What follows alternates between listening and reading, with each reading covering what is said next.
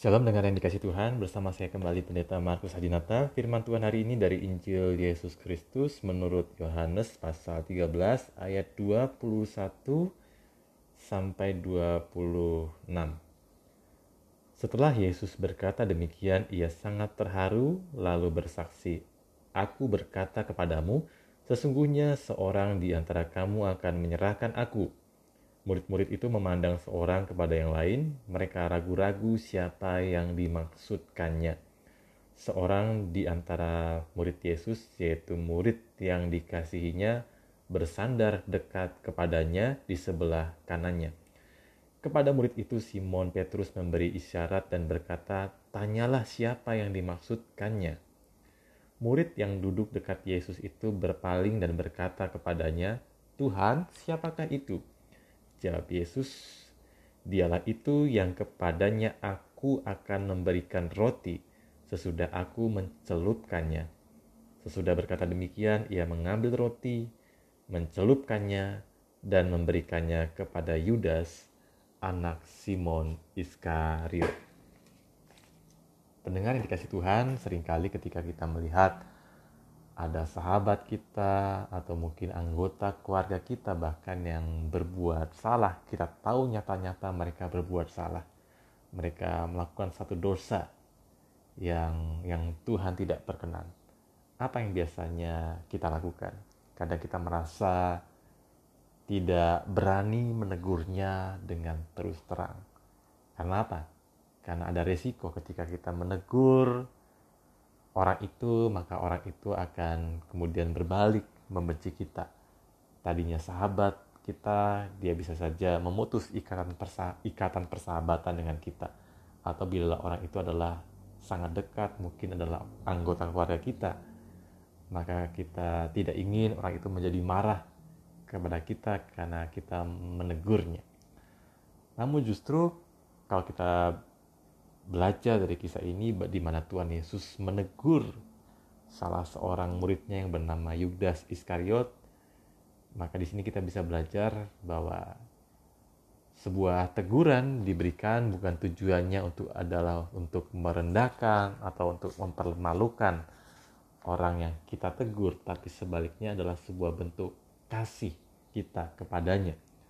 Yesus mengenali betul isi hati dan pikiran murid-muridnya. Dan salah satunya adalah Yudas Iskariot yang sedang dikuasai oleh kegelapan. Nah, di sini hanya seorang yang yang hatinya terang dan budinya luhur akan mampu melihat kegelapan itu dan berani menegurnya.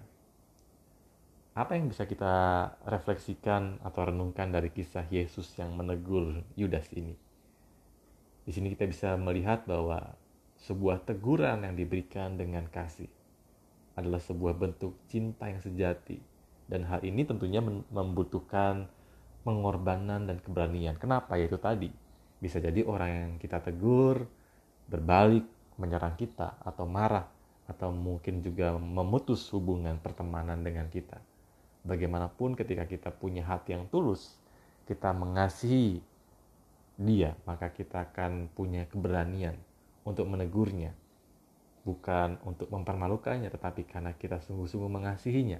Kita tidak ingin orang itu terus berada dalam kegelapan, dalam kesalahan, sehingga binasa olehnya. Kita ingin dia berbalik ke jalan yang benar, berbalik kepada Tuhan, sehingga dia pun mendapatkan pengampunan dan keselamatan daripada Tuhan. Amin. Kita berdoa. Kami bersyukur Tuhan untuk firman Tuhan hari ini, di mana kami boleh belajar dari Tuhan Yesus yang berani menyampaikan teguran dengan penuh kasih kepada salah seorang muridnya yang bernama Yudas Iskariot. Ampuni kami ya Bapa apabila dalam kehidupan kami kami sering kali tidak berani memberikan teguran entah itu kepada sahabat kami, mungkin juga adalah anggota keluarga kami yang kami tahu melakukan satu dosa atau perbuatan yang salah. Kami memilih untuk mencari kenyamanan diri, kami tidak mau kenyamanan kami terusik ketika kami menegur dia, mungkin dia berbalik menyerang kami. Tetapi hari ini kami belajar bahwa justru ketika kami membiarkan orang mati dalam kesalahannya, maka sesungguhnya Tuhan tidak berkenan bahkan mungkin juga Tuhan akan meminta pertanggungjawaban dari kami. Mengapa kami tidak menegur orang itu?